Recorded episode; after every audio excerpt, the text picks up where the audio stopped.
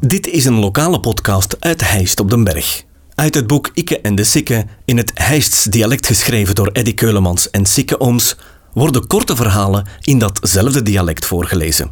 Dit vertelselke werd ingesproken door Eddy Keulemans. Cinema Flora. Het moet eind 60 of begin 61 geweest zijn, want ik was juist vier jaar geworden toen dat ik met ons moe voor de eerste keer mee naar de cinema mocht. In de Flora speelden ze toen een Vlaamse film van Hansje en Grietje. Ik weet niet meer of dat dan met echte mensen was of een tekenfilm, want dat is te lang geleden. Ons moe die haar graag de afwas gedaan en ik kreeg zondags dingen aan en we vertrokken.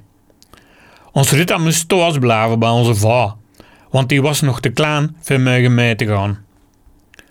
Zo'n cinema had ik nog nooit gezien. Zoveel volk zeg, en op het balkon zaten er nog.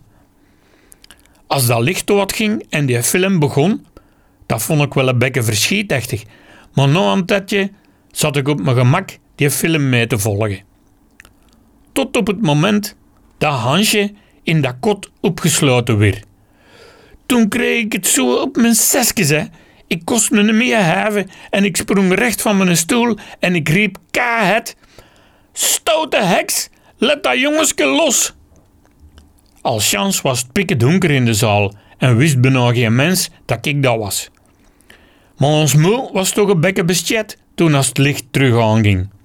En ik kreeg geen zwette rek meer van in het snoepwinkelje van Linneke van Gardewies, want ze spurte met ma mee een hoos last het strontstretje.